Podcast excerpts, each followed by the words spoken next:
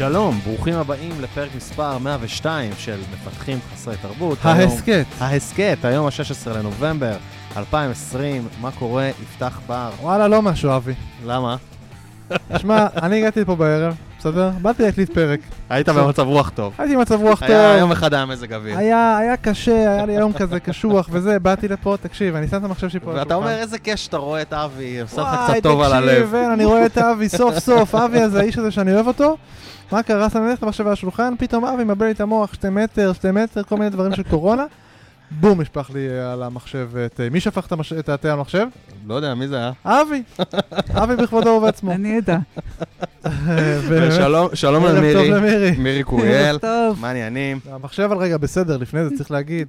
סלחנו לאבי, עשינו סולחה פה וזה, זה היה ממש כזה כמו בדואים עשינו את זה. אז היה לנו כיף, קראת לי אצבע. כן, זהו, כאלה. אה, זהו, אז באמת ערב טוב למירי. ערב כבר. הרבה זמן אנחנו מנסים להקליט את הפרק הזה, בין אה, סגרים לחגים לכל מיני דברים שהיו. אז אה, סוף סוף הנה זה קורה, אנחנו מאוד אה, שמחים אה, שהגעת.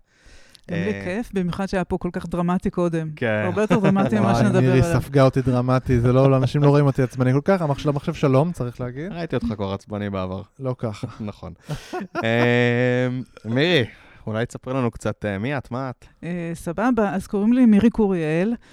אה, הייתי הרבה מאוד שנים VP R&D בכל מיני חברות, הייתי בטכנומטיקס, הייתי בנייס קצת, הייתי הרבה שנים בחברה בשם אורקה אינטראקטיב, לאחרונה סטארט-אפ בשם אה, טונרה, שעוסק במוזיקה, ממש פה ליד. ובשנתיים האחרונות אני עושה mentoring למנהלי פיתוח וייעוץ בתחומים של פיתוח ו product. זה משהו שאני עושה כבר הרבה שנים, זה מין תחביב שלי כזה, מין ניהול. עשיתי את זה תמיד במקביל לזה שהייתי VP R&D, מה שנקרא בזמני החופשי, ועכשיו זה הקריירה השנייה שלי. וואו, איזה קורות חיים מרשימים. כיף לאללה, כן. ממש. תודה, תודה. אז על מה באנו לדבר היום, אה, מירי? תספרי לנו, את- יש כל כך הרבה דברים שאפשר לדבר עליהם, נראה לי, איתך. נכון, אז יש לי הרבה מה להגיד על המון דברים, ואני אה, גם אוהבת לדבר על המון דברים, אבל היום חשבתי לדבר על מערכת היחסים בין מפתחים לאנשי product, שלמי שלא אה, שם לב, לא תמיד סוגה בשושנים, מה שנקרא. ואני רוצה לדבר על למה זה קורה, ובעיקר, מה אפשר לעשות כדי שמערכת היחסים הזאת תהיה יותר טובה. באמת שנשמע לי מעניין, יאללה.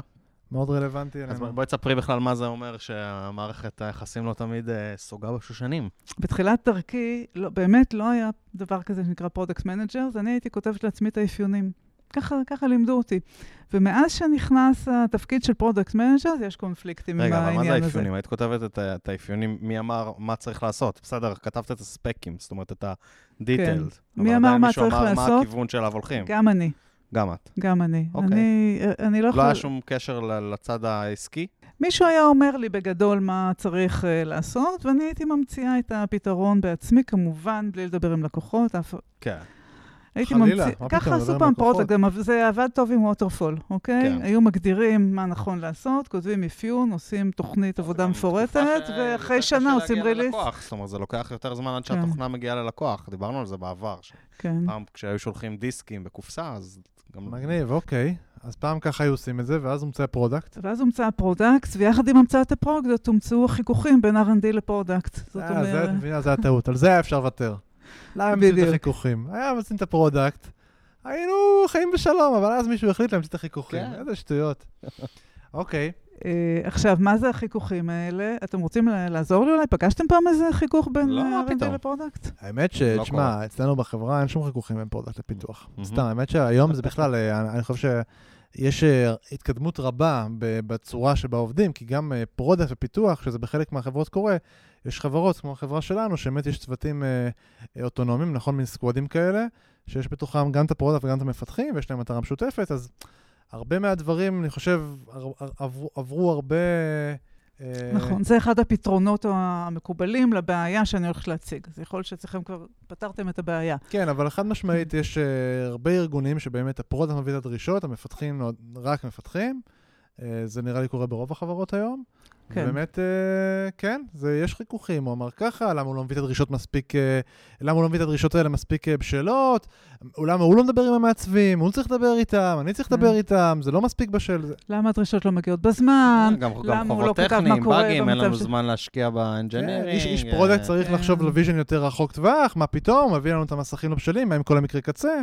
נכון. כאילו, יש אינסוף דברים כאלה ש- כן. ש- ש- שהייתי בהם. אני רק רוצה לייצג את הצד השני, גם ל product יש טענות אה, למפתחים. בלי סוף, אבל... מגיע אבל עם הם אף פעם- באגים, לא אבל עומדים הם אף פעם לא בדדליין. מוצדקות, רגע, בוא רגע נהיה, תמיד המפתחים צודקים, נכון? הם אף פעם לא מוצדקות. אז אני חייבת פה לייצג את חבריי ב product. אני גם שכחתי להגיד שאני ניהלתי product, אוקיי? אז יש לי גם את הכובע הזה. אבי, אמרתי לך שלא צריך להביא אותו. לא, זה בעיה, בעיה. המפתחים האלה, הם לא שקופים, הם מנפחים את הערכות זמנים. נכון, נותנים עליה באפרים, נכון? כל הזמן הם לא- באפרים. הם לוקחים מיליון ככה אפשר באפרים. לעמוד בזמנים תמיד, מה הבעיה? הם לא שקופים, לא יודעים מה קורה שם, הם לא עושים שום דבר, הם רק מתעסקים בכל מיני שטויות, כמו debts. טכנולוגיות חדשות, ו technical debt. טפו עליהם, כן? לא עלינו. על הפנים, על הפנים. בקיצור, אה, בקיצור, אה, טענות מכל הכיוונים, ובמקרים קשים, חוסר אמון אה, ממש גדול. זאת אומרת, אני יכולה להגיד שאני הייתי... אה, עבדתי בחברה, אני מייעצת לחברות בתחום הזה, ואני עבדתי בחברה שבה המנהל product אמר לי, אני לא מאמין למה שאומר לי ה-VP R&D, אוקיי? ממש במילים האלה. מורח אותו כאילו? הוא חושב שהוא מורח אותו? חושב שהוא מורח אותו, חושב שהוא לא עומד בהסכמים. וואי, הייתי בחברה אה, כזאת. כל מיני דברים. כאלה, אוקיי? גם ראיתי חברות אחרות, אוקיי? שה, אה, שהפיתוח לוקח פיקוד, אוקיי? ועושה מה שהוא רוצה, כי ה product לא מבין את המוצר. לא, יש מלא? דברים, כאילו, ב- אני חושב שאחד הקונפליקטים הכי גדולים שאני נתקלתי בהם זה על הקטע של חוב. זאת אומרת, כאילו, לא, כאילו? אנחנו חייבים תשתית. חייבים תשתית לזה עכשיו, ואז ה-VP R&D בא ואומר, חבר'ה, אני צריך עכשיו, אה, לא יודע מה, אה, 50% capacity ב... לא יודע, צריך אה, ככה וככה חודשי אדם, אה, כי אנחנו חייבים לכתוב תשתית לדבר הזה, והרבה פעמים, אחד, אחד, אחד הפערים הגדולים זה באמת בפער בין ההבנה של המהות של חוב טכני או של תשתית אצל ה product, כי ה product רוצה לקדם פיצ'רים ולקדם את העסק, נכון? בוודאי. אז זה גם כן משהו שראיתי אין סוף פעמים קורה, וזה אגב באמת אחד המקורות למריחות האלה. נכון. כי אומר ה-VP R&D, או לא יודע, המפתח, שמע, אני חייב לעשות תשתית, ולך להתווכח עם זה. הוא אומר, לא, זה יאט אותנו בטירוף, חייב לעשות את זה עכשיו. אוקיי. אז זה- תמיד מקצין גם, כי כאילו ה product אומר, הם תמיד צריכים לכתוב תשתית, ו- וזהו, הם תמיד לא וה-R&D לא אומרים. אה, תמיד אה, פיצ'רים, פיצ'רים, פיצ'רים, אין לנו זמן להשקיע בתשתיות שלנו. ואז כל אחד אה, מקצין את עמדותיו. כן. זה נשמע שהייתם בהייטק בשנים כן, האחרונות. אוקיי. עברו כמה שנים. אה, אני רק רוצה להעיר. יפתח, אה, אני רוצה לשנות טרמינולוגיה, לא להגיד technical debt, בואו מהיום נאמר technical backlog. טכניקל בקלוג, אוקיי. בסדר. טכניקל אופורטוניטי. technical backlog, מה זאת אומרת? כמו כל דבר בבקלוג שמחליטים אם עושים אותו עכשיו או אחר כך, גם תשתיות וגם אה, כל מיני שיפוצים, זה backlog וזה בסדר גמור. משהו שיכול קצת להקל על ה... לבלוע את הגלולה המרה. אוקיי, מגניב. אז... אה, אז למה זה קורה? מהמם. אוקיי? למה מתווכחים כל כך הרבה? אוקיי? למה למה? למה מערכת היחסים היא כל כך אה, אה, בעייתית, ולמה יש כזה חוסר אמון? אוקיי? אז אה, אנחנו רואים קודם כל, אה, לפני זה אני אגיד, איך אנחנו יודעים, שאני נכנסת לחברה, איך אני יודעת שיש שם בעיות? מני- הדבר הראשון שאני רואה זה שמשמיצים אחד את השני. זאת אומרת, יש vibes לא טובים באוויר. ודבר שני, בדרך כלל המנכ"ל אומר לי, תקשיבי, ה velocity נמוך, אם הוא יודע להגיד velocity. אם הוא לא יודע להגיד velocity, הוא אומר, יש לי תחושה. הפיתוח מדלוור לאט. אני לא יודע למדוד את זה כי אני לא איש טכני, אבל הפיתוח מדלוור לאט, כן. אוקיי? אה, אז יש כל מיני תחושות, זה בדרך כלל קורה אחרי שחברה גדלה, הייתה סטארט-אפ קטן שרצו מהר, פתאום הם גדלים, פתאום יש uh, תהליכים יותר רציניים, ופתאום יש האטה כזאת, והפיתוח מדלוור לאט. זה בדרך כלל הסימן שאני שומעת, ואז ההנהלה נהיית עצבנית על הפיתוח ועל ה product, והם אחד על השני, ושמחה וששון. אבל זה לא תמיד בגלל פערים בין product לפיתוח שמדלוורים לאט, נכון? נכון? זה יכול להיות ממלא סיבות. אז נכון, נכון, נכון. אז... Uh, אבל המנכ"ל לא יודע. דבר ראשון, מאשימים את הפיתוח, זה הנוהג, אוקיי? לא, זה הנוהג, ברור, זה הקונבנציה. זה הקונבנציה. הרבה פעמים זה קשור, ל, ל, קשור חזק ל product וליחסים ביניהם. Mm. אבל זה קשור לעוד דברים. אה, אולי אני אגיד כמה סיבות למה יש את הקונפליקטים האלה. הסיבה אחת זה שהטענות שאמרנו קודם לפעמים נכונות. זאת אומרת, לפעמים באמת הפיתוח אה, עושה יותר מדי תשתיות, ולפעמים ה product לא מבין את הטכנולוגיה, ולפעמים כל הטענות נכונות, וזה באמת סיבה לקונפליקט, וזה יוצר חוסר אמון אה, אה, מקצועי. עכשיו, עוד דבר שהרבה פעמים קורה, זה מה שנקרא יחסי ספק-לקוח. זאת אומרת שיש מיצוב כזה שה product אומרים, אני רוצה 1, 2, 3, כמה זה ייקח לי? או תעשה לי את זה, תעשה לי מחיר, חבילה, אני רוצה לדלבר את זה. האם אפשר לדלבר את זה עד סוף הרבעון, אוקיי? והיחסים האלה זה יחסים לעומתיים מאוד, אוקיי? ואז כשאני מגיע, אני הגעתי לכזה מצב, וכל הזמן הפיתוח לא מדלברים, אוקיי? כי יש שם איזה אה, מנהל פיתוח שהוא אדם טוב לב, שלא נעים לו להגיד לו, והוא מסכים, ואז הוא כמובן לא מדלבר את מה שהוא הבטיח, אז כועסים עליו. אבל אם הוא יגיד שהוא לא יכול, אז גם יכעסו עליו. וכל נכון, אתה הסיטואציה במין הזאת... היה- סיטואציה מוזרה כן, כזאת, אתה- שאתה לא יכול אה, להיות Then if סבבה. you do, then if you don't. בדיוק. זה הסאבטייטל זה של מנהל פיתוח, נכון? זה מה? זה לגמרי, לגמרי. זה כאילו, אתה אתה לא... זה lose-lose situation, אה, בוודאי. מנהל פיתוח. עכשיו, למה זה קורה? למה מנהל פיתוח נקלע לסיטואציה הזאת בכלל? כי הוא מסכים, בחוסר מודעות, להיות בתפקיד של ספק, אוקיי? זה בכלל לא תפקיד של מנהל פיתוח, אוקיי? אז היחסי ספק-לקוח זה אחד הדברים שמלבים את האש הזה, כי אז ברגע שיש אה, מערכת יחסים של שני צדדים, שאחד לעומת השני, אז כמובן הם מאשימים אחד את השני בכל אה, מה זאת אה, אומרת, אבל אני שקורה. ספק? לעומת מה? איך אני לא ספק? אולי שותף? תכף נדבר על זה. Mm, אוקיי. הר- הרמת להנחתה. אני ככה, אנחנו מרימים פה. אה, אוקיי, מה עוד אה, אחת הבעיות שאני רואה הרבה פעמים? נקרא לזה כוחות לא מאוזנים. זאת אומרת, בהרבה חברות אני רואה שלמשל, אה, בואו נדבר על המנהלים, למרות שבסוף אנחנו נדבר מה, מה עושים גם בשטח, אבל נגיד VP Product ו-VP Engineering, אחד founder ואחד לא founder. קלאסי. לא טוב קלאסי. קלאסי. זה הרבה פעמים קורה. אבל uh, במקום הזה שאני... כוח של founder זה תמיד... אה, בדיוק. צריך לקחת אותו. האמת שגם הרבה. פעמים, אם ה product הוא founder, לא תמיד, אבל הרבה פעמים הוא המנכ"ל גם. ואז בכלל הוא זה כאילו... מאוד מחמיר את גם הס- הוא הבעיה. הסמכות להכריע את הקונפליקטים, נכון. אבל יש לו... ויש עוד חברות, למשל, יש חברה שאני עבדתי איתה, ששם ה product founder, פיתוח לא founder, והמנכ"ל, זה אנחנו מדברים כמובן לומד- בעולם הסטארט-אפים, כן? כן, זה- כן, בסטארט-אפ, הוא לומד, הוא לומד מה קורה בפיתוח רק דרך ה product, כן. רק דרך ה founder, כי הוא כי הוא חבר שלו, כן. אוקיי? כן. אז זה קלאסי. דברים מאוד לא מאוזנים. יכול להיות גם אנשים שהם לא אחד founder ואחד לא founder, אבל אחד עם אישיות חזקה ואחד עם אישיות חלשה יותר, כן, אוקיי? וזה כן. מספיק בשביל חוסר איזון. אז כזה חוסר איזון ישר יוצר קונפליקטים.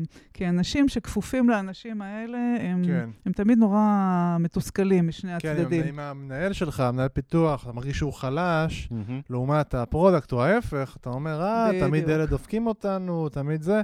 זה בדיוק מייצר את הקונפליקטים נכון. ההיסטריים האלה. עכשיו, וחוץ מזה, יש עוד סיבות שבכלל לא קשורות אליהם. למשל, יש חברות שיש קלצ'ר של הטחת האשמות, אוקיי? מהמם. אני מכירה טוב חברות כאלה, עבדתי בכמה כאלה. ואז, אה, אם יש, נגיד, אני עבדתי בחברה שהמנכ"ל אהב למצוא אשמים, אוקיי? אז הוא קצת מסכסך. איזה חברה קלאסי. שלא כיף לעבוד בה בלי קשר. כן, כן, ממש מבאס. ממש מבאס, אוקיי? אז במקום כזה, כשיש תרבות של חיפוש אשמים, וזה לצערי אופייני להמון חברות, כן. אז, אה, אז כאילו יש תרבות של כל הזמן מחפשים מי אשם, אז תמיד אתה במגננה. כן. אוקיי, זה שוב מייצר וזה קונפליקטים. הופך, זה יוצר גם את הדינמיקה לדינמיקה שהיא מאוד אה, פוליטית, אתה מנסה כל הזמן להראות איפה אתה בסדר, ואיפה אתה עשית, בדיוק. ואיפה זה, במקום לדאוג מה- מה באמת קורה? לפאג. מגלגלים- מגלגלים את האשמה. לא, ואז, לא, לא רק מגלגלים את האשמה, אתה גם כאילו מנסה יותר לעשות דברים שהם... אה, ראיתי את זה גם כן בהרבה חברות. אתה מנסה לעשות דברים שהם יותר, אה, יש להם יותר נראות מאשר אה, value. כן, ויותר גרוע מזה, שני הצדדים מכסתחים. כן. והדבר האחרון שאתה רוצה הנראות. בתור סטארט-אפ זה לכסתח. אתה כן. רוצה לדלבר, אבל כן. בסוף כולם עסוקים בלכסתח. כן, איזה באסה זה. אה, בקיצור, יש עוד הרבה סיבות שהן אה, לא קשורות לזה, אבל לא נתעמק בזה. אני חושבת שכדאי ש... שאולי נראה איך בכל זאת יוצאים ה cycle הזה. אז מה באמת, מה... אבל עוד שאלה רגע.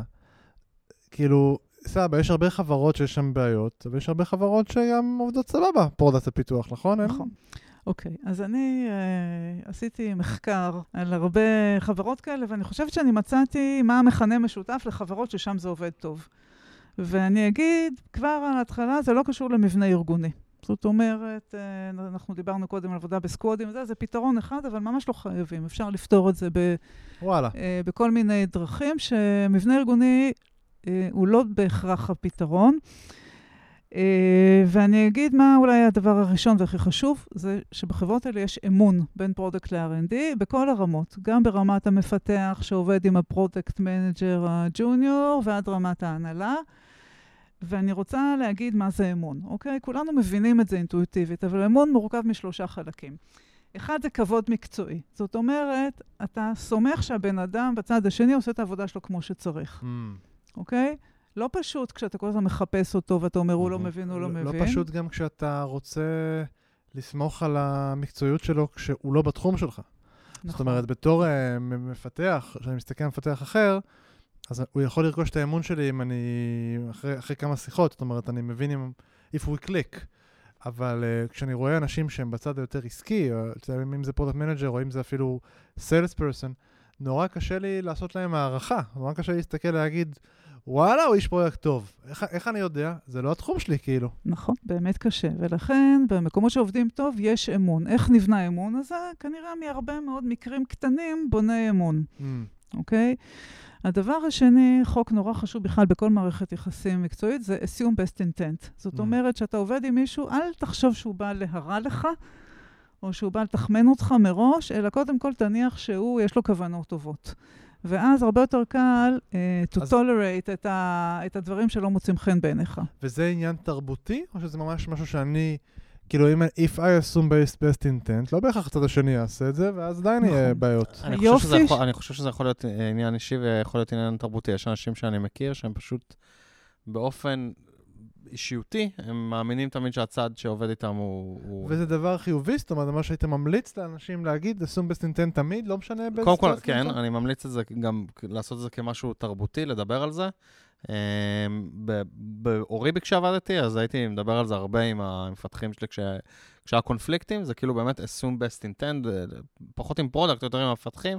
assume best intent זה היה משפט ככה שחזרתי עליו הרבה, לדעתי, לפני שני פרקים גל היה פה ודיברנו על ספר שלו, לדעתי אפילו, הוא הזכיר אותי שם בפסקה ש... שאמרתי את זה כל הזמן, assume best intent. אני לי- מסכימה. זה עניין תרבותי. אפשר לעשות את זה אם יש מנהל שבאמת מפמפם את זה, זה דבר מעולה וגם אוכף, אבל גם כל אחד יכול להחליט על דעת עצמו לעשות את זה. אין בעיה, אוקיי? אני גם אה, יכולה להגיד שראיתי את זה. אני עובדת עם מנהלים גם באופן פרטני, אוקיי? אני אולי לא אמרתי, אבל אני עובדת עם מנהלים, וגם כשאני עובדת עם מנהל אחד והוא מספר לי על קונפליקט שיש לו עם מנהל בצד השני, אני אומרת לו, תעשה אתה את ה-assume best intent, והפלא ופלא, זה גורם גם לצד השני להוריד מגננות. להוריד, כן, כן. נכון. וזה ממש עובד יפה. אז best intent זה חלק חשוב מאמון. והדבר האחרון שהוא חלק מאמון, וזה קצת counter intuitive, אבל אני בכל זאת אגיד, זה קצת להיחשף ולהראות פגיעות. כן. זה להראות שאתה לא מושלם, להראות שגם אתה טועה. וזה משהו שמייצר אה, אמון בצורה מאוד מאוד עמוקה בין אנשים, אוקיי? אז למשל, שבא ה-VP אה, R&D ואומר, או, או סליחה, מפתח לצורך העניין, בסדר? ומדבר עם האיש product שלו ואומר, תשמע, זה נכון שאנחנו אה, סיכמנו שאני אעשה את הפיצ'ר ככה, אבל אני כאן עשיתי איזה טעות ולא הערכתי נכון ו- ולא הספקתי, אוקיי? אז הוא לוקח אחריות על הטעות שלו, הוא קצת נחשף. כן. ובפעם הבאה ה product יגיד, תקשיב, אני לא חשבתי פה על איזה מקרה וזה פשלה שלי, ולאט לאט הם יהיו חברים הכי טובים, וזה מאפשר אה, לסבול ביחד הרבה בעיות. כן, לגמרי. הנושא הזה של, אה, של הפגיעות, של החשיפות, אה, שוב, למרות שאנחנו כמפתחים, אנחנו אף פעם לא טועים, בכל זאת, אה, אני ממש מסכים עם זה. זאת אומרת, הקטע הזה של רגע להודות בטעות, בארגון, אגב, שבו זה...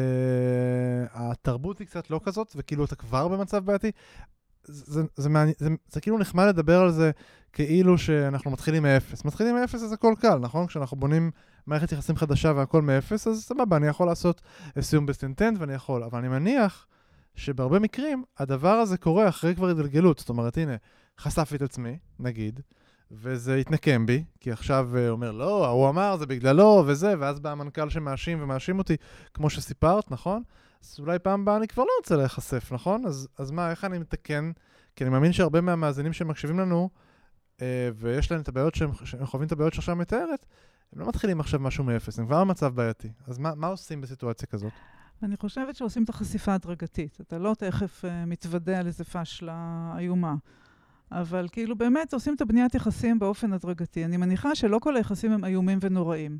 כן. אבל לקחת את ה counterpart שלך ולהתחיל אה, להגיד, הייתה לי פשלה קטנה, או יש לי בעיה, תעזור לי לפתור אותה. אוקיי? לבקש עזרה מאוד עוזר. לבקש עזרה זה גם עוזר בהקשר של כן. אמון, נכון. אז, אה, אז אה, אמון זה הבסיס, וכאילו פירקנו אותו למרכיבים. אבל יש עוד כמה דברים. למשל, הדבר הבא שמאוד עוזר בחברות, ששם יש, אני רואה שזה עובד טוב, זה שיש מנהל אחד אחראי, שהוא accountable גם ל product וגם ל-R&D. ואז, מנהל של שניהם? זאת אומרת, הם, הם כפופים. לאותו בן אדם? כן. זה יכול לפעמים להיות two in a box. לפעמים זה לא מנהל אחד, אלא שניים שעובדים טוב ביחד. לא, לא הבנתי. אבל אז זה בדיוק המצב ש, שתיארת. ש, אם ש... הם עובדים טוב, לא אוקיי? הבנתי מה זה, מה זה two in a box, אתה יכול להסביר את זה? נסביר קודם על אחד, בסדר? בואו נניח שיש מנהל אחד שה... נגיד, לפעמים יש CTO, ש-VP R&D ו-VP Product אה, כפופים אליו. אוקיי, הבנתי. לפעמים זה יכול בדרגים יותר נמוכים. למשל, יש חברה שאני עובדת שם, שיש מחלקות עסקיות כאלה, ולכל מחלקה יש מנהל של הכל ביחד, אה, אה, ויש כן, את ה product וה-R&D משלו. מנהל קבוצה R&D ומנהל קבוצת product. בדיוק. ואז... אה, למה אה, טוב שיש בן אדם כזה, שהוא צריך להיות גם אה, בן אדם שיכול לקבל החלטות מהר ונגיש, כאילו שאפשר לתפוס אותו? כי אז אם יש איזו להבה שמתחילה אה, לעלות, הוא יכול לסגור את זה מיד ולקבל החלטה, mm. אוקיי? אני עבדתי בארגון ששם אה, שני ארגוני, אה, חברה מאוד גדולה, ש product ו-R&D לא, המנהל המשותף שלהם היה המנכ"ל, והוא לא היה מעורב. Mm. והחלטות לא היו נסגרות בדרגים, בדרגי ביניים. אז כל בעיה הכי קטנה הפכה להיות המנכ"ל. מלחמת עולם. אין את מי שחותך, כאילו. אין את מי שחותך, בדיוק. Mm. אז בואו נדבר חיובי. חיובי, המקומות שעובדים טוב, יש בן אדם שחותך ולא נותן ללהבות לגדול. כן. Okay? אוקיי? אז זה גם תנאי מאוד חשוב ל, אה, לפתור בעיות. אה, אמרנו, דיברנו קודם על כוח שווה. בחברות שעובדים טוב, בדרך כלל הפיתוח ו product שווים בכוח הפוליטי שלהם. אוקיי? גם בדרג ניהולי וגם, אין, אין. וגם לא בדרגים של המתכנתים. בתוך ארגון. שווה, זאת אומרת שמדברים בגובה העיניים, נגיד ככה. Mm-hmm. שאין אחד שבסוף יודעים שהוא יחליט. אה, הבנתי. אוקיי? יש לכל אחד את האחריות שלו. כן. אבל עוד פעם, זאת אומרת, את מתארת את זה ברמה, ברמה האידיאלית. אנחנו נדבר על, כאילו, מעניין אותי להבין איך מגיעים לשם. אז uh, על, על הדבר הזה הכי קשה להגיע, כי אלא אם כן אתה מנהל, אוקיי? אלא אם כן אתה המנכ"ל. בסדר? כן, כי כאילו בסוף, כשאת מתארת את ה... הפרסונה היא כזאת, הפאונדר הוא כזה, אמ-, אמרנו הרבה סיבות למה זה יכול לקרות, החוסר כן. שוויון. כל הסיבות האלה, לנהל אותן, זה, זה קשה. כאילו, מה אני אעשה עכשיו? אני, הוא, לא, הוא לא יכול לא להיות founder פתאום. כן. אה, אני לא יכול להביא founder חדש לחברה, שיהיה CTO. זה אגב, אנחנו מדברים באמת הרבה על, ה, על, אה, על הרבה דברים שקורים בסטארט-אפים, מעניין אם זה כאילו ככה גם בחברות גדולות. אז אני כן. חושב שבעיית ה founderים זה משהו מאוד קלאסי בסטארט-אפים, שאחד הוא founder ואחד לא, וזה... בחברות גדולות אני רואה כן בעיות של כוח, שהוא לאו דווקא נובע מזה שאחד founder ואחד לא. אלא מאיזושהי סיבה, לפעמים היסטורית. למשל, אני אה, עבדתי בחברה... יכול להיות ותק, יכול להיות אה, כריזמה, יכול להיות... אני עבדתי בחברה אה, בינלאומית, ששם דווקא החברה צמחה מתוך engineering, אוקיי? ה engineers פיתחו את המוצר, זה היה מוצר יחסית טכנולוגי, יחסית, והמהנדסים ממש המציאו את כל המוצר. ואז, כשהבינו שזה לא בסדר וניסו להכניס שם product, המתכנתים לא נתנו להם. כן. המהנדסים פשוט לא נתנו ל product uh, להצליח, אוקיי? אז אני אומרת, יש כל מיני סיבות, גם בחברות גדולות, למה... למה הדברים האלה קורים. אז בעיות של כוח, בדרך כלל, אה, צריך מלמעלה להסדיר אותם, וזה תפקיד של ההנהלה. אבל שאר הדברים, אני חושבת שיש פתרונות שהם יותר יש בשטח. יש uh, את הספר uh, Hard Thing About Hard Things, uh, אני לא זוכר... Uh, כן, בן הורוביץ. כן, בן הורוביץ, אבל, אבל אני לא, זה, זה כבר, כבר יחסית ישן, ויש כאלה שמתים על הספר, יש כאלה ששונאים אותו, זה ממש uh, כמעט כמו, כמו כוסברה. אבל uh, יש שם uh, סיפור אחד שהוא מספר דווקא בין הסיילס לבין הפיתוח, לדעתי. שהוא מתאר שהוא החליף את, ה, את המנהלים.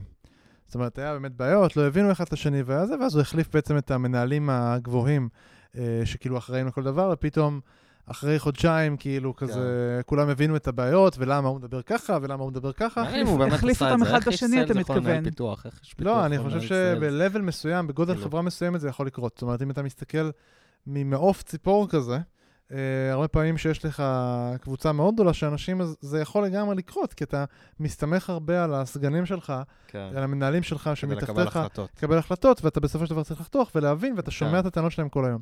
אז, אז כאילו גם בהקשר הזה, לי מרגיש שבין product לפיתוח, אם תקחי דרג יחסית גבוה, האמת, ותחליפי ביניהם, אה, גם אם זה אגב באמת בחוסר יחסי כוחות, כאילו מי יותר חזק, אז פתאום יהיה נורא נורא מעניין, כי אם נגיד אפילו הפרסונה החזקה יהיה פתאום רגע בצד השני, אז הוא, יקבל את ההחלטות ההפוכות, והוא יתחיל להתחשב, כן. נכון? הוא כאילו סוג של יתווכח עם עצמו. זה קצת אה, להחליף, אני לא יודעת אם עושים, אבל מה שכן ראיתי שעושים, זה למשל לשנות מבנה ארגוני ולשים איש ביזנס שיש לו עכשיו את הפיתוח כן. שלו ואת ה product שלו, ופתאום הוא מבין, זה שקודם צעק למה לא עובדים יותר מהר, כן, ולמה זה לא מוכן אתמול, פתאום כשהוא שומע את הבעיות, הוא באמת מגלה את ה... כן, הוא מבין למה זה לוקח זמן, ומה המורכבות, כן. ואז הוא יכול למצוא פתרונות שקודם כשהוא עמד מהצד, הוא יותר כיף להיות באופוזיציה התלונן. ולצעוק למה זה לא בסדר, כן. אני לא יודע, יאיר לפיד לא כזה מבסוט לדעתי, אבל סבבה. אוקיי, אה, מגניב. אוקיי, אז אז מה עוד? מה עוד? יאללה, מה נדבר על הגדרת עוד תפקיד. חשוב כדי לייצר אני כן, אספר, את ה... הגדרת תפקיד, בואו נדבר. אני, לפני שנה, פנו אליי מאיזה חברה ממש גדולה, פנה אליי המנכ"ל ואמר לי, תקשיבי, ה product וה-R&D שלי רבים כל הזמן, תעזרי לי אהלן לעשות... סהלן, זה הפורטה שלי, מירי, נעים מאוד. תעזרי לי לעשות הגדרת תפקיד, R&R מה שנקרא. כן, roles and responsibilities. לעשות R&R לתפקידים של הפיתוח ושל ה product. אבל זה כאילו מאוד ברור, לא? לא. אוקיי. אה, איפה זה לא ברור? אז אני אגיד, אני אספר על החברה, אני סתם אומר את זה, אני יודע שזה לא ברור. אז אני אספר על החברה הזאת, ואז אני אגיד מה דעתי. אז בחברה באתי ועשיתי שם תהליך וראיינתי, ומהר מאוד הבנתי שמה שקורה שם זה לא בעיה של R&R, אלא בעיה של אמון. אוקיי? וברגע שאין אמון, שום R&R לא יעזור, כן. אוקיי? בסוף עשיתי להם חצי R&R, אבל בעיקר בנינו שם, uh, uh, סידרנו שם יחסי אמון ממש טובים, וזה כלל הרבה שינויים. אבל אני רוצה להגיד מה התיאוריה שלי פה. אני חושבת שהגדרת תפקיד של R&D ו product צריכה להיות עמומה בכוונה, כדי, כי אחרת ההגדרות המדויקות הן יוצרות קונפליקט. כי כל אחד אומר, זה שלי, זה לא שלי, Mm, אוקיי? הבנתי. זה עושה ראש קטן. מהמם. אני, עד הנקודה הזאת, זה שלי. מעבר לזה, זה שלך. מייצר שבטיות ב... שבטיות, ובעיקר, הש... עוד פעם, זה חוזר להאשמות, אוקיי? אז אני חושב שלא בהכרח. זה- זה נורא אני- מעניין, אתה יודע, אני- אצלנו אני יש- באתי להגיד שאני לא מסכים עם זה. אתה יודע מה יפה? יאללה. לא רק אכפת לי מה אתה הולך להגיד, אני רוצה להגיד משפט אחר. השאלה שלנו, אה, יש לנו מישהו, product שהוא מאוד אנליטי. והוא באמת כל הזמן מחפש את ההגדרות המדויקות האלה. זאת אומרת, הוא כל הזמן אומר, מה בדיוק, איפה, איפה אני מסתיים, איפה זה מתחיל. אז בעצם מה שאת אומרת זה, אל תבנו מפעל. זאת אומרת, כאילו, אל נכון. תחשבו על זה בתור מפעל, שפה יש מכונה אחת, היא מסיימת והיא מגישה, ופה הקו נכון. שחוצץ, אלא להפך, ת, תעשו סוג של חפיפה. שכאילו בדיוק. יהיה הרבה יותר, יהיה אחריות משותפת לחלק מהדברים, וזה בסדר, זאת אומרת, תגדיל את הגדרת התפקיד שלך, כאילו, אחריות גם שלך וגם שלהם לפתור חלק מהבעיות, ואז בעצם זה ייצור אולי איזשהו... נכון. אני לא אומרת שאין הגדרת אחריות, אני תכף אגיד מה הגדרת אחריות בעיניי. אבל העמימות הזאת מאפשרת חברות, ובמקום שכל אחד יכסה את גם- התחת של עצמו, pardon my French, כל אחד מכסה את התחת של החבר שלו. אז זהו, אז, אז, אז זה כאילו באמת הגישה ש... ש... שתומכת בזה, הגישה שאני מכיר. אני חושב שהחיסרון שלה הוא לאו, דו... הוא לאו דווקא בהאשמות, יכול להיות שגם, כאילו, זה נשמע מאוד הגיוני. אני חושב שאחד החסרונות שלה זה ב-accountability, כי ב- ב- ב- בניהול, את יודעת, שברגע שאת שמה מישהו אחראי על משהו, המשהו הזה יקרה, היה לנו את הפרק עם, אה, עם אה, ניר כהן מסטריגו על AORs. אני מכיר אותו. איך, כן, איך, איך, זה היה פרק 98. איך אנחנו, איך אנחנו מייצרים אה, אה, אה, אחריות על דברים, על דברים שאנחנו רוצים שיקרו בארגון, לאו דווקא אחריות ניהולית, וברגע שיש מישהו שהוא accountable על משהו, אז הוא דואג שזה יקרה. ברגע שאנחנו שמים שני ראשים, שמראש הם, הם באים בדרך כלל מרקע אה, אה, קריירה שונה, כאילו מישהו הגיע מכיוון יותר פרודקטי עסקי, מישהו הגיע מכיוון יותר טכני, מראש הם, הם מושכים לכיוונים שונים וזה גם בסדר, הארגון צריך את שניהם, זה טוב שהם מושכים לכיוונים שונים. אם, אם זה מפלצת דו-ראשי, אז לפעמים אין accountability, ואז את יודעת, כשאין accountability, כשאין מישהו שאכל משהו, אז uh, אני תמיד אומר, אם, אם אין מישהו שאכל על משהו, אז אף אחד לא אכל זה. אז אם, אתה סליחה, צודק אם כולם לגמרי. אחראים, אז אף אחד לא אתה זה צודק המשפט שלי. לגמרי, ואני כמובן חושבת שצריך להיות accountability ברור, אני גם תכף אגיד מהו. אבל בואו, אני נעשה את זה ככה, תרשה לי. אני רוצה להגיד קודם כל, אה, שלפני שאנחנו מגדירים את התפקידים, אני רוצה להגיד מה המטרה המשותפת של product והפיתוח, Mm. בסדר? וזה נכון לכל דרג. בואו נדבר עכשיו על המפתח וה product, שצריכים עכשיו אה, לאפיין ב- ביחד, הנה, נסגרתי כבר, לאפיין ביחד איזה פיצ'ר חדש שרוצים לפתח, אוקיי? מהמם. אז אני אומרת שהמטרה שלהם, והמטרה בכל דרג, זה, אני אגיד את זה באנגלית, create maximum value at minimum time. מהמם.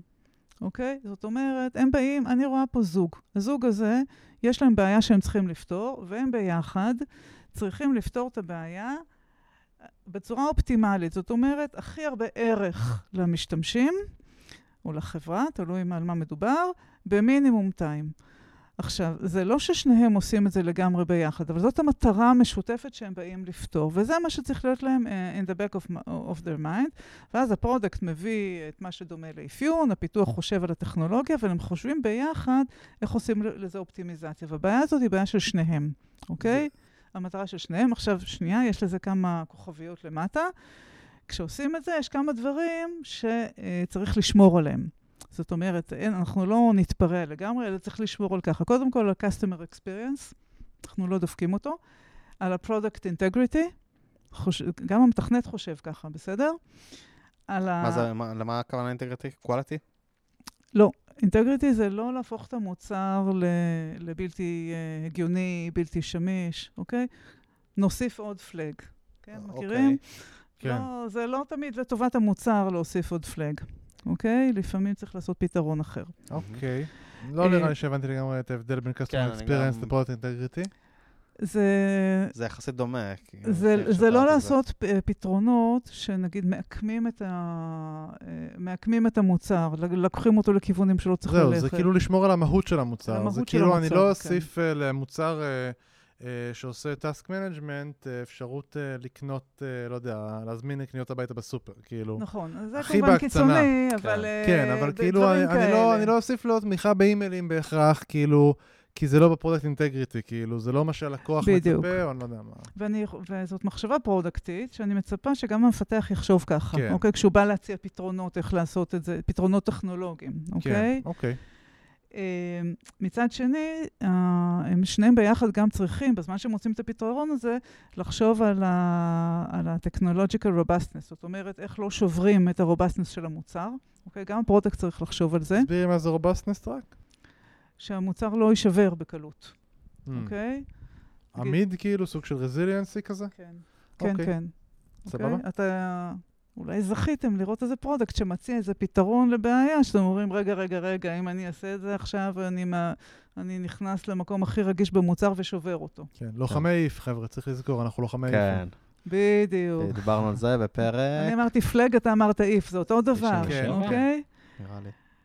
ככל שאתה מכניס conditions, ככה אתה הופך את המ- את המוצר לפחות robust, פחות. סטבילי, כן, אה, נכון, אוקיי? נכון. אז זה- זה חלק מה robustness הטכנולוגי, לפעמים זה דברים של scale שצריך לחשוב עליהם, אוקיי? מהמם, מהמם. maintainability, מאוד חשוב. זה אחד הדברים שאנשי product לא אוהבים לחשוב עליהם בכלל, אוקיי? ואנשי פיתוח, האוזניים שלהם נהיות אדומות כשהם חושבים איך לעשות maintenance למשהו. אז זה גם משהו שצריך לדבר עליו. האם הפיצ'ר הזה שאנחנו מכניסים עכשיו, איך נעשה לו maintenance? לפעמים יש אנשי customer success שצריכים להשתמש בזה, נכון, אוקיי? כן. שלפעמים אנשי product גם כן לא אוהבים לחשוב על זה. כן, אז צריך להתחיל לחשוב אוקיי. באמת על ה-back office, ואיך אנחנו תומכים בהם. אז זה שניהם לחשוב, והדבר האחרון שאני חושבת ששניהם צריכים לחשוב, אני קוראת לזה employee happiness, שהיום זה buzzword, אבל באמת צריך לחשוב. זאת אומרת, יש דברים שאם הם נורא נורא ירגיזו את האנשים שצריכים לעבוד על זה, בעיניי שיקול שצריך לקחת כן. בחשבון. חד אוקיי? משמעית. וזה כמובן רק כשיש trust, אפשר לדבר על דברים כאלה, אחרת כן. זה בכלל לא uh, מעניין. אז כל השיקולים האלה, עכשיו אני אומרת, כי אני מכירה הרבה חברות שעובדות ככה, שעובדים ביחד, כל אחד יש לו את האחריות שלו, אבל זאת המטרה, למצוא את הפתרון הכי cost effective, שלא שובר את הדברים הבסיסיים של המוצר. תשמעי, זה כאילו, בוא, בוא נודה בזה, יש פה, את מתארת פה רשימה של הרבה דברים שהם כאילו די באזים, נכון? זה, הסברנו אותם אמנם, אבל Customer Experience, Product Integrity, סבבה, זה כזה כאילו מאוד היי-לבל. זאת המטרה המשותפת שלנו. בואו נבנה מוצר, כאילו זה נשמע, את יודעת, אה, עולם כזה, אין בעיה. ההגדרה של כולנו, נבנה את המוצר הכי מהר שאנחנו יכולים, תוך כדי שהמוצר נהיה מנט... אבל כל כן. העולם שלנו זה trade off ים, נכון? בין בין- נכון, אבל אולי אני אחדד למה אני מתכוונת. קודם כל, אני לא מדברת על המוצר, אלא ממש ברמת הפיצ'ר הקטן שאנחנו מפתחים עכשיו. אבל הנקודה שלי פה, זה אה, שלשניהם יש את אותה מטרה. זאת אומרת, שבמקומות, בחברות שזה עובד טוב, גם ל product וגם לפיתוח אכפת מכל הדברים האלה, והם מדברים על זה כשהם עושים את ה trade-off. אוקיי? איך- זאת אומרת, אבל- בדיון שלהם זה לגיטימי. אני יכול להגיד איך אנחנו יצרנו איזשהו כן. framework אה, שעובד לנו, שעובד לנו טוב. אגב, חלק גדול מזה זה בעקבות הפרק עם אה, דניאל מ monday, שקצת נתן לי ול-VP product, שאני עובד איתו קצת השראה על איך לעשות את זה נכון. אז אנחנו עובדים, לדוגמה, בשיטה של אה, OKRs, דרך להציב מטרות, לא ניכנס לשיטה, מהמם. הזכרנו אותו פה כמה פעמים בעבר, והוספנו, בעצם ה-OKR זה המטרות שלנו, מה אנחנו רוצים לפתח, מה אנחנו רוצים לבנות, לאן אנחנו רוצים להגיע וכולי. זה יכול להיות דברים טכניים, כמו לדוגמה, אנחנו רוצים להגיע ל-API שעונה תוך X millisecond, וזה יכול להיות ממש לפתח דברים חדשים שעונים על בעיות עסקיות. זה מה שאנחנו רוצים לעשות, זה, זה המקום שאנחנו רוצים ללכת אליו. מעבר לזה יש לנו מה שנקרא Health Metrics, Engine Health Metrics, זה בעצם מדדי איכות, מדדים שסיכמנו, בעצם אה, אני וה-VP product, יחד כמובן עם כל הקבוצה של הראשי צוותים וה-PMים, שזה המדדי האיכות שלנו, שברגע שהם נשברים, אין פה בכלל שאלה שאנחנו צריכים אה, ללכת ולהתעסק בהם. זה לא עכשיו ריב שאנחנו צריכים לתקן פה חוב טכני על חשבון אה, אה, מטרות אה, ב-OKRs, לא, שברנו פה איזשהו היט מטריק, כמה באגים יש לנו, כמה זמן לוקח לפתור אותם, וזה, וזה מה שאנחנו צריכים עכשיו, אנחנו חייבים זמן כדי לתקן אותם, ודרך הדבר הזה יצרנו איזושהי סוג של הסכמה, ששם אנחנו פחות מדברים על זה ה-technical backlog שלנו, או ה-technical debt שלנו, אלא זה המטרות שלנו, זה ה-hit metrics. אם נשברו לנו ה-hit metrics, אנחנו כנראה מתקדמים בקצב מהר מדי, שמסכן את האיכות של המוצר, את האינטגריטי שלו, את ה-maintainability שלו, את כל הדברים שהזכרת, ולכן אנחנו צריכים לעצור שנייה, או לא לעצור, או, או להסיט חלק מהמשאבים, בשביל לסדר את ה-hit metrics כן, שלנו. אז אתה בעצם מתאר כאילו אה, פתרון לאיך אפשר אה, למדוד את המטרות המשותפות. אני חושב שהרבה חברות אין להם את המדדים הנפלאים שאתה מתאר, ויש הרבה יותר, המדדים הם יותר רכים, זאת אומרת, זה... זה יכול להיות גם מדד רך, דרך אני, אגב. אני מסכים, אני רק אומר, זה, זאת אומרת, זה לא בהכרח מדדים, זה כאילו, אתה, אתה תיארת על איך מודדים את הדברים האלה, ואז אפשר לעשות מהמם. uh, אופטימיזציה על הדברים האלה. סבבה, אני, אני חוזר ואומר, אני חושב שכאילו מנהלי מוצר ומפתחים יצהירו שאכפת להם מהרשימה שתיארת. כן, אבל uh, אני, אתה יודע מה זה מזכיר לי? אני משחקת משחקי קופסה עם המשפחה שלי. יואו, איזה ו- כיף לך. זה נורא כיף, אתה מה- מהמסובכים האלה, אוקיי? איזה משחק ו- קופסה למשל? אתמול שיחקתי משחק אקטואלי למדי פנדמיק, ממליצה עליו בטח, בחום. מכיר פנדמיק. ממליצה משחק בחום. חמוד מאוד, קואופרטיבי. אז אני יכולה לספר משחק שאתמול. נכנסתי מישהי שלא שיחקה אף פעם, ולהסביר לה את החוקים היה נורא מסובך. רבע שעה רק הסברנו את החוקים, ובסוף היא לא הבינה עד הסוף, אמרנו בואו נתחיל לשחק, תביני. אז אותו דבר פה. כשהייתי מדריך נשמע- בנוער עובד, היה לנו משפט, משחק לא מסבירים, משחק משחקים. בדיוק. אז אותו דבר פה, בסדר? זה נשמע Buzzwords, אבל מתחילים לשחק וזה פשוט עובד. זה לא משהו שכל הזמן חושבים עליו וזה. כשמתחילים אני, לעשות... אני חושב שזה רק אבל ברגע שיצרת את האמון הזה, כאילו, קשה מאוד לה- להגשים את הבאזוורד נכון, הזה לפני אבל, האמון. אבל זה הגיידליין. אני אתן דוגמה. כשאתה אומר, אתה עושה מלחמה באיף, אוקיי? מהמם. למה אתה עושה מלחמה באיף? אז אני מחברת את זה לבאזוורד, אוקיי? כי נכון. האיף עושה בעיה של robustness ושל maintainability. חד משמעית, כן. אוקיי? אז אם אתה מכניס לשיח עם product, שאתם כבר ביחסים יחסית טובים, כי אתה עשית לו טובה קודם, נכון? ואתה מתחיל לדבר על המילה, ה if הזה שובר לי את ה robustness, אוקיי? והדבר הזה שם שובר לי את ה scale. והוא אומר לך, הפתרון שאתה מציע ב-UI, מה זה מכוער? זה שובר לי את חוויית המשתמש, אז לאט-לאט אתם מבינים אחד את העולם של זאת השני. אומרת, ממש לקחת את, ה- את מביאים הרשימה הזאת, וכשאנחנו. מדברים על מה עושים, לדבר עליה. בדיוק, המ- המילים הם מילים, אבל התרגום של זה לשפה אני- הוא פשוט. אני מנסה עדיין להבין את, ה, את הטיפ, אוקיי?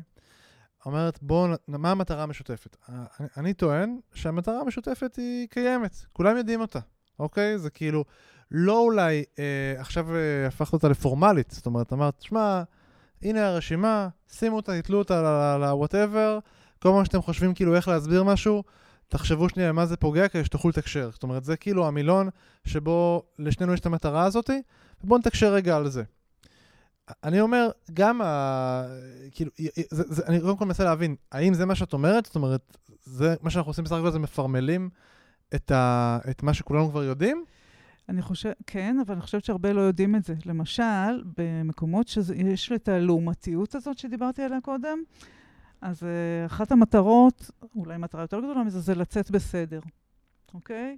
למשל, הפיתוח הרבה פעמים פחות עסוק בלהביא מקסימום value, ויותר עסוק בלעמוד בלוחות זמנים, כי על זה מודדים אותו. קלאסי, mm. כן. אוקיי? כן. קלאסי. נכון. או ש product, אה, מודדים אותו על ידי שהוא דוחף כמה שיותר דברים לפיתוח. ואז מה אני עושה? Okay. אז אוקיי? מודדים אותי על להביא, לדבר. בזמן. מה עכשיו אני עושה? מלחמה, תכף נדבר על זה. אוקיי. Okay. אוקיי? okay?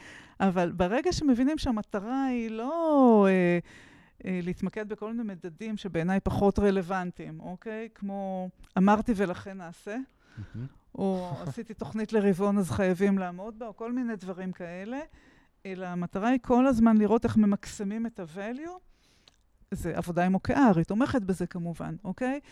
אז זה אגב אפשר... מאוד קשה, כי, כי באמת אחת הבעיות שיש לנו עם OKRs, אנחנו מתכננים רבעון, ואז, ואז, ואז כולם מאוד מאוד רוצים לעמוד בכל ה-OKRs, גם אני. אז אתה עושה את המקסימום לעמוד בזה. וכן, לפעמים אתה מכוון ל-OKRs, אבל אתה מוכן לשבור דברים אחרים, ואם משנים את התוכנית, לא משנה אם כאילו אתה משנה את התוכנית עכשיו למשהו שסופר יעזור לחברה, לאנשים קשה עם זה, כן. כי אנחנו לא נעמוד ב-OKRs. בדיוק. אז הטבלה שאתה תיארת, היא פותרת את זה בצורה אחת. ואני אומרת שה-OKR הוא מפרמל את מה שאני אומרת. להגדיר את המטרה הזאת זה ממש לא טריוויאלי, ולהגדיר שהיא מטרה משותפת זה הכי לא טריוויאלי. אבל פשוט אותה מטרה, כאילו, נותנת פה סטטיק ליסט, כאילו, בלי שום שינויים, את אומרת, עזבו שטויות, פשוט קחו, שימו את זה, ותהיו מסונכרנים על זה. בעיניי זה, זה, זה הצעד הראשון לפתרון, להבין שזאת מדהים, המטרה. מדהים, לא, זה אחלה טיפ, זה טיפ נורא קל, אני אוהב אותו מאוד. תקשיב, אני, אני ראיתי בהרבה חברות שהמתכנתים כותבים דבר שנקרא מסמך אפיון. פגשתם פעם כזה דבר? בטח, מה זה, איזה כן, שאלה, אני מת על זה, קבל 30 עמודים מסמך אפיון. 30 עמודים זה קצר, אני כותב 100 במינימום. אני רוצה כזה, אני רוצה כזה, ואני רוצה שזה יהיה מוכן אה, בעוד חודשיים. זה לא המפתחים כותבים, זה ה-PMים. ה product, סליחה. ה product, כתובים אפיון. איך זה נקרא השם של זה? יש לזה שלוש אותיות. spec. spec, יש... FRS, FRS. כן, כן, כל מיני ראשי תיבות שאתה לא יודע מה הם. אז א', אני אספר לכם שיש חברות שעדיין עובדות ככה. כן, וואי, איזה כיף זה. וגם אם לא עובדות על מסמך של 30 עמודים, ל epic ב Jira של 30 עמודים, או לא משנה מה, כן. בסופו של דבר הגישה היא, כזה אני רוצה, תגיד לי כמה זה עולה. ספק לקוח. ספק לקוח. והשיח הזה בכלל לא מתקיים. נכון. אגב, עוד משהו שאני באמת okay. אוהב אוקיי. בשיטה של OKR, זה דוגמה זה שאתה מדבר, מה אני רוצה להשיג. לא, לא, לא מה אני רוצה לבנות, אלא איזה מטרה אני רוצה להשיג. נכון. זה, זה כאילו אחד הדברים שאני יותר אוהב בשיטה של כן, OKR. אני, בוודאי. אני, מבין מה את אומרת לגבי הנושא של, uh, uh, ברגע שבעצם את, כשאת עושה את המסמכים האלה והחוזים האלה, בדיוק. אז באמת אין שום שיחה.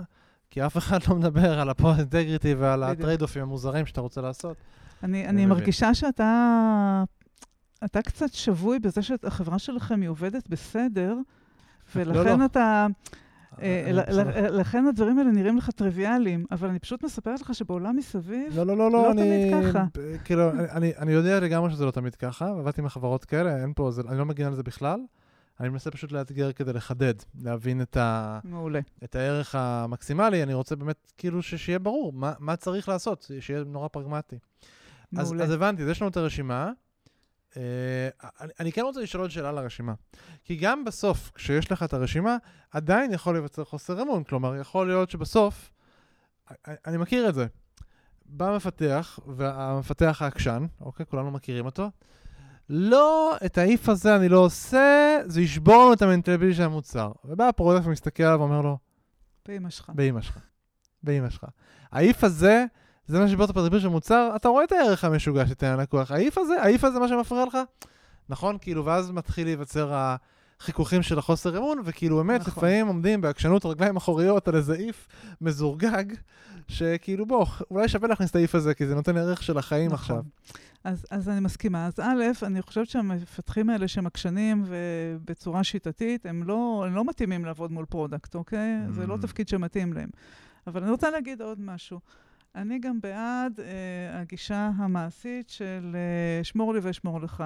אני אוותר לך עכשיו בעניין ה if, ואתה תוותר לי מחר בעניין המקרה קצה. אה, הנה. נכנסת עוד פעם לשיחה פוליטיקה. עושים פוליטיקה של דילים, ישראל, עושים. דילים. בעיניי, לגיטימי לג- לחלוטין. הסכמים קואליציוניים, הכל אצלנו זה ב...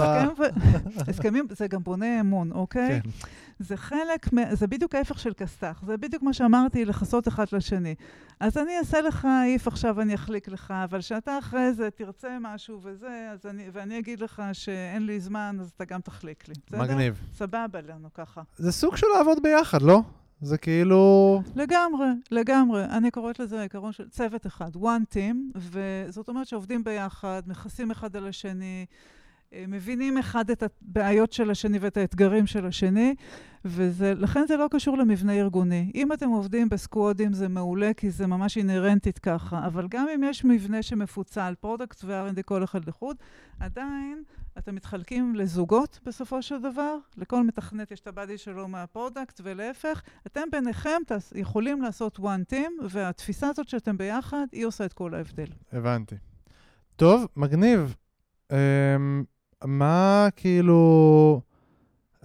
יש לנו הרבה מאזינים שאצלם זה לא נראה כל כך יפה, נראה לי נתנו הרבה טיפים, אבל יש לך עוד איזה דברים ספציפיים שאת חושבת שאפשר לעשות כבר עכשיו כדי שזה ישתנה?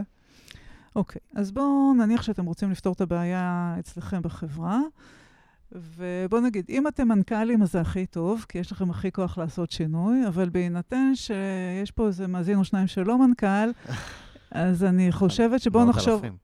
מה כל אחד יכול לעשות בפינת, אה, בחלקת אלוהים אה, שלו.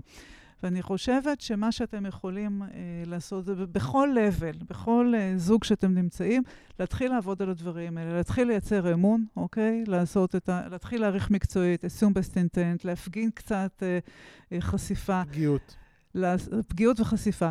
לעבוד עם הצד השני, להבין שיש לכם מטרה משותפת אם אתם לא שם, והיא, והכי חשוב, זה אם אתם רואים שיש אנשים מסביב שמפריעים, אז העצה הכי טובה שאני יכולה לעשות זה תתאחדו נגדם ביחד. זאת אומרת, יש הרבה חברות שיש מישהו שדואג שה product ילחץ על הפיתוח נורא חזק, או שהפיתוח יעשה אנטי ל product, אל תיתנו לזה לקרות.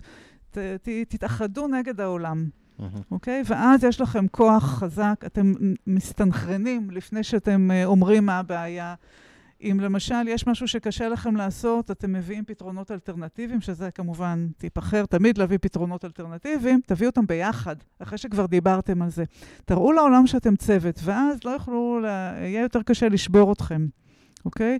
ואת זה באמת כל אחד יכול לעשות uh, בעצמו. ואפשר להתחיל חד צדדית, וכמו שאמרתי קודם, זה פשוט עובד. מדליק. מדהים. טוב, נראה לי שהגענו לסוף. כן. נכון. אמ, אז נראה לי שנעבור לשאלות מהקהל. אמ, יש! מירי, היו הרבה אנשים שהתלהבו שאת אה, מגיעה לפרק. אמ, אז אה, כן, היה הרבה- כן. היה הרבה תגובות של... מועדון אה, המעריצים שלי. כן, ממש.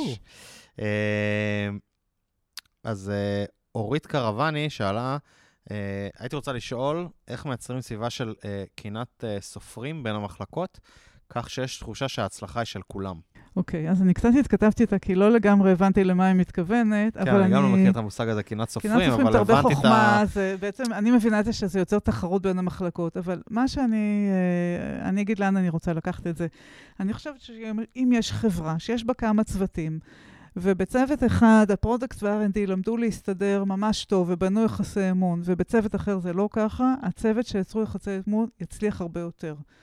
ואני חושבת שזו דרך אה, טובה לגרום רק, גם לצוותים אחרים לעשות כזה שינוי, ואז אה, כל החברה מצליחה יותר. זה הקנאת סופרים שאני אה, רואה פה. באופן כללי, קצת תחרותיות בין צוותים זה דבר טוב. אמ, בן חן שואל פה, איך את מגדירה מהצד שלך דרישת product טובה ולא טובה? שאלה... כמה שעות יש לנו לדבר על זה? אני, אני אגיד ככה. לפחות שלוש שניות יש לך. זה, אם יש סיבה אחת שהיא לוקחת את ה majority של הריבים, זה על זה. על דרישה טובה ולא טובה.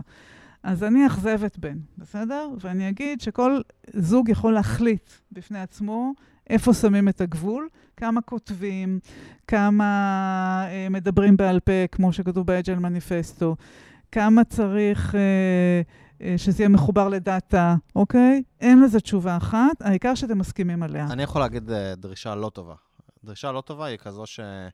אה, לא מועברת למי שהולך לעבוד על, ה, על ה feature, על, ה, על הקומפוננטה, whatever. זאת אומרת שאין מוטיבציה עסקית ללמה אנחנו עושים את הדבר הזה, זה מבחינתי דרישה לא טובה. כל השאר, אם זה יותר detailed, פחות detailed, זה מעניין.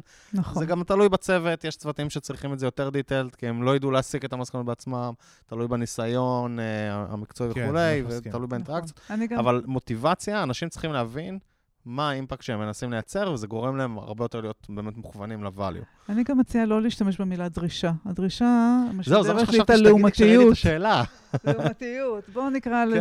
כן, זה- זה אה, ספק לקוח. פתרון, פתרון שבסופו יש user story. כן, זה, זה, זה, בגלל זה חייכתי כשהוא שאל את השאלה, כי הייתי בטוח שתגידי את זה. אה, אוקיי, יש. פה אה, את חנוך אלוני, אני חושב שככה כתוב.